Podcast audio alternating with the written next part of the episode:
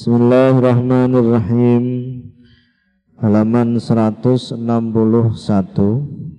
Al-Hasan berkata Barang siapa yang buruk budi pekertinya Maka ia menyiksa dirinya sendiri. Orang yang buruk budi pekertinya akan dimusuhi banyak orang, dibenci banyak orang. Berarti kalau orang itu mempunyai budi pekerti yang buruk sama dengan menyiksa dirinya sendiri. Anas bin Malik seorang sahabat Rasulullah sallallahu alaihi wasallam beliau berkata seorang hamba yang menurut masyarakat itu adalah golongan hina akan sampai pada tingkat tertinggi di surga sebab akhlaknya yang mulia. Berarti beragama itu sangat sederhana. Kuncinya adalah takwa dan akhlak mulia. Kalau itu sudah dipegang penuh, dijadikan sebagai karakter, maka keselamatan, kebahagiaan di dunia dan di akhirat dia akan mampu untuk meraihnya.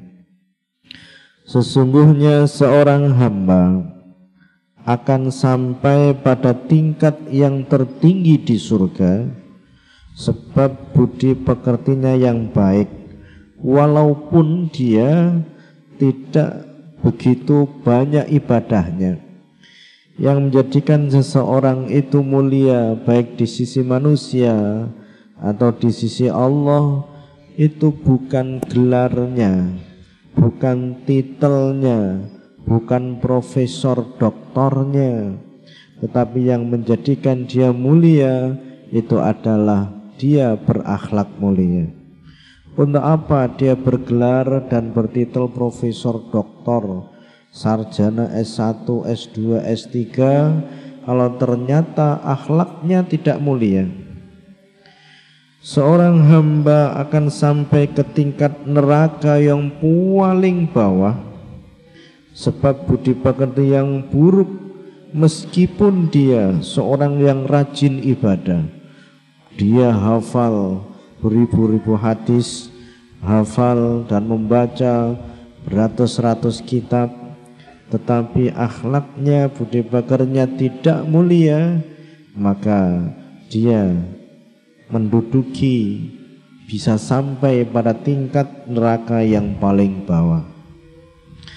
Wal abdu utawi kawula ya belugu iku tumeka sapa kawula bihusni khuluqihi sebab baguse budi pekertine kawula a'la jinanillahi ing paling dhuwur-dhuwure pira-pira swargane Gusti Allah malanna mongko nglakonana temenan sira bihi kelawan akhlak mulia bahwa status seseorang tidak ditentukan oleh marganya tapi status seseorang ditentukan dengan akhlaknya yang mulia. Yahya bin Mu'ad berkata, pada kelapangan budi pekerti terdapat gudang-gudang rizki. Orang itu akan mendapatkan rizki yang melimpah manakala orang itu mempunyai sifat dan karakter akhlak yang mulia. Jangan ragu dan jangan bimbang tidak bisa mendapatkan rezeki kalau engkau adalah orang yang mempunyai akhlak mulia.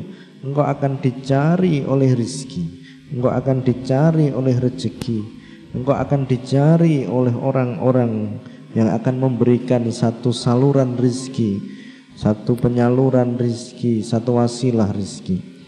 Wa may yattaqillaha yaj'al lahu makhraja wa yarzuqhu min haitsu la yahtasib engkau akan berlimpah yang namanya rizki rizki delalah atau rizki yang tidak disangka-sangka dan tidak diduga-duga dalam keadaan sempit pun Kalau engkau betul-betul kembali kepada Allah berakhlak mulia, akan diberi oleh Allah rizki yang tidak terduga-duga. Entah ada seseorang yang memberi rizki itu, entah berupa malaikat yang berbentuk manusia. Mungkin ada transferan yang tanpa nama, itu hal yang tidak merupakan sesuatu yang mustahil. Allah memberikan rizki kepada hambanya yang dicintai itu dengan beribu-ribu jalan. Seseorang Al-Fudel, seorang sufi terkemuka, beliau berkata, seorang yang kurang tekun beribadah, namun berbudi pekerti yang luhur menemaniku, itu lebih aku sukai daripada aku ditemani oleh orang yang ahli ibadah titelnya sampai pangkatnya tujuh tidak kuat membawanya misalnya namun berbudi pekerti yang buruk itu lebih baik orang yang kurang ibadahnya tetapi akhlaknya mulia santri adalah garda terdepan agama ini Santri adalah garda terdepan bangsa kita ini, negara kita ini. Santri adalah satu-satunya generasi, generasi emas yang diharapkan oleh bangsa kita. Oleh sebab itu, satu-satunya jalan, satu-satunya cara, satu-satunya hal yang bisa menjadikan engkau semuanya mulia itu adalah akhlak mulia. Apalagi di zaman sekarang ini di zaman yang akhir sekarang ini begitu banyak ujian begitu banyak cobaan begitu banyak malapetaka begitu banyak bencana yang diberikan Allah kepada dunia ini kita baru saja dipersaksikan oleh Allah. Kita baru saja diperlihatkan kekuasaan Allah. Tadi malam mulai jam setengah tiga sampai 103 menit itu terjadi gerhana rembulan yang total rembulan yang terpanjang waktunya sampai 103 menit dan itu terjadi lagi 130 tahun yang akan datang lagi apa yang bisa kita ambil dari keadaan alam yang semacam itu, dari keajaiban alam atau dari keadaan-keadaan alam yang menunjukkan kepada kita.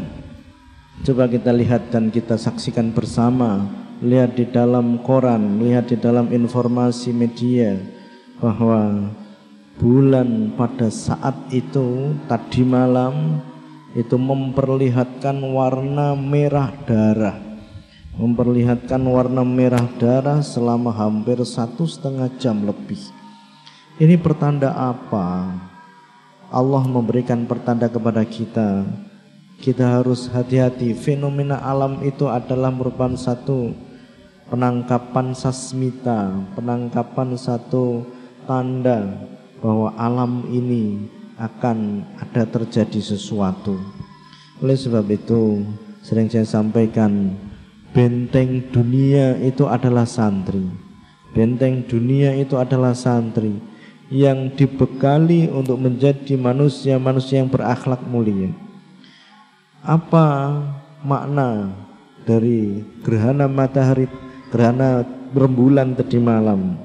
yang terjadi sekitar jam setengah tiga sampai satu setengah jam?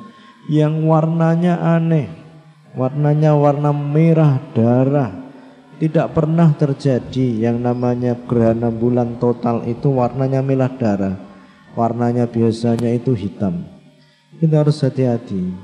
Tahun-tahun ini 2019 kita menghadapi yang namanya pilpres pemilihan presiden Biasanya yang terjadi ada kampanye, kampanye, kampanye yang bisa menjadikan perpecahan, perpecahan antar sesama pendukung.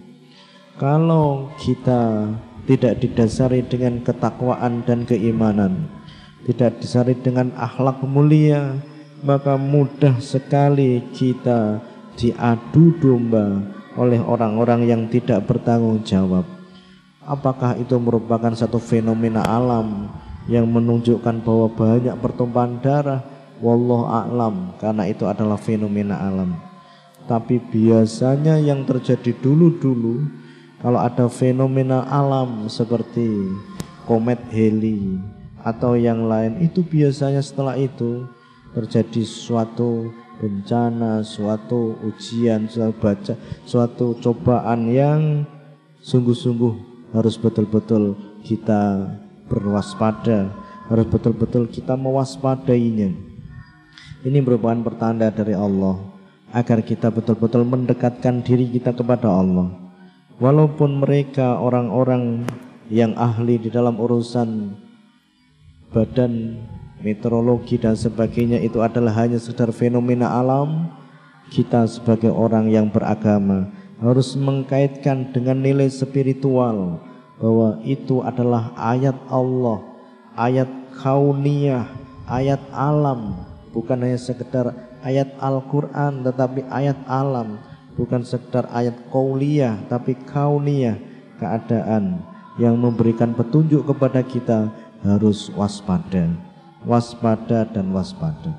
Kalau kita selalu bertakwa kepada Allah menciptakan situasi dan kondisi yang agamis yang selalu bertakwa kepada Allah maka sesuai dengan sabda Rasulullah sesuai dengan apa yang disampaikan Rasulullah bahwa innal mu'mina as-salih innallaha la yadfa'u bil mu'min as-salih an mi'ati ahli baitin min jironihi balaan dengan adanya orang satu mukmin yang solih akan mampu menolak bala orang sekitar 500 orang.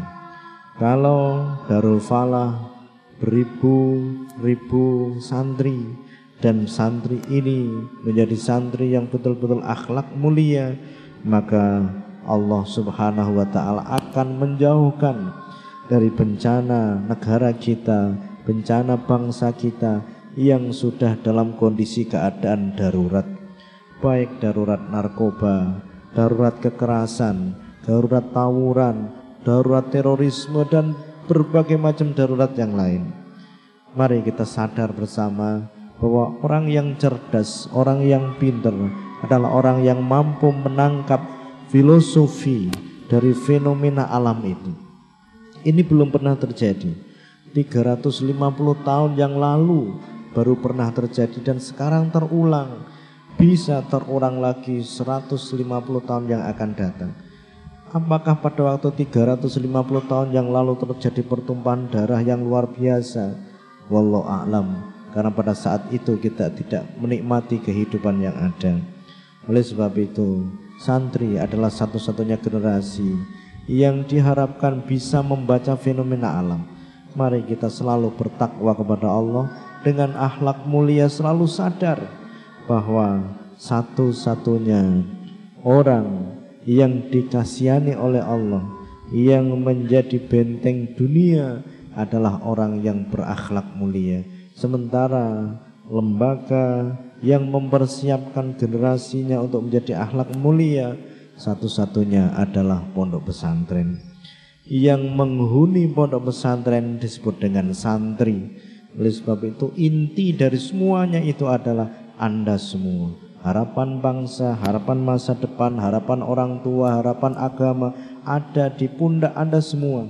Kalau Anda begitu sadar bahwa ini adalah fenomena alam yang akan menjadikan kita taubat, menjadikan kita sadar kepada Allah.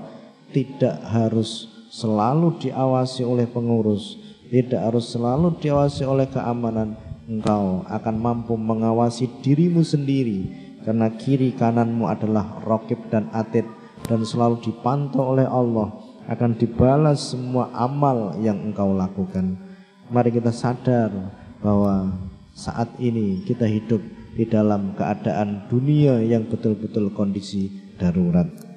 Coba kita lihat begitu ngamuknya angin pada saat ini gelombang tinggi sampai 8 meter yang terjadi itu merupakan satu bukti, satu pertanda, satu peringatan dari Allah bahwa alam ini sudah kondisinya sangat tua.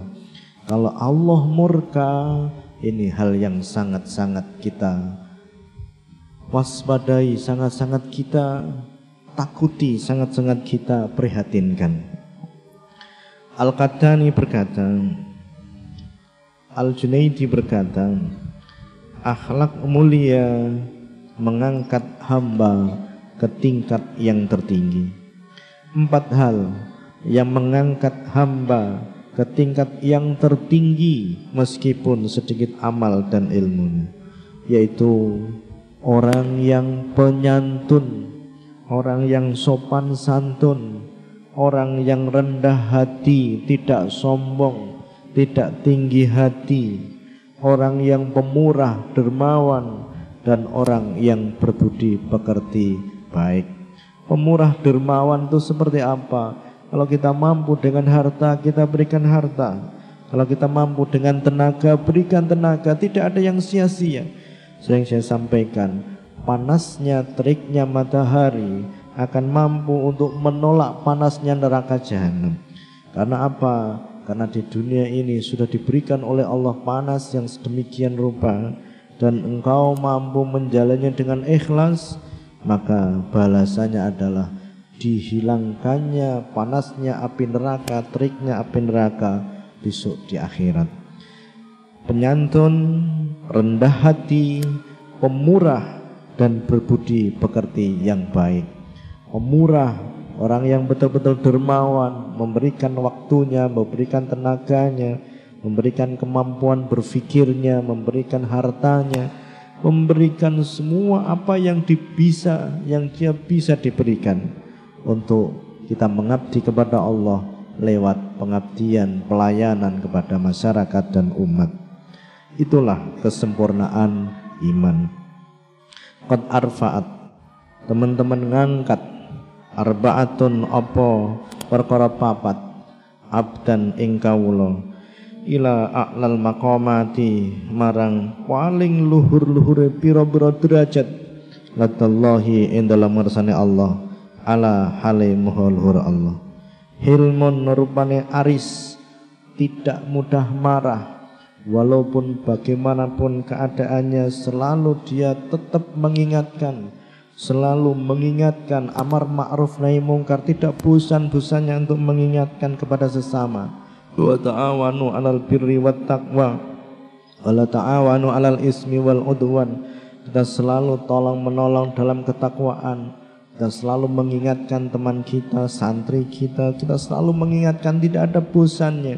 Karena yang saya sampaikan bahwa kita hidup ini adalah satu perjalanan menuju akhirat yang harus diingatkan jangan sampai melenceng dari ajaran yang benar. Sakho tawaduun lan adab asar. Sakho lan lomo. Wal khuluku lan budi pekerti. Al hasanu kang bagus. Isyau Wadiyo sirokabe Allah ing Allah Jalla halimur Allah. Wattaku lan wadiyo sirokabe Subhanakallahumma wa bihamdik أشهد أن لا إله إلا أنت أستغفرك وأتوب إليك. والله أعلم. السلام الفاتح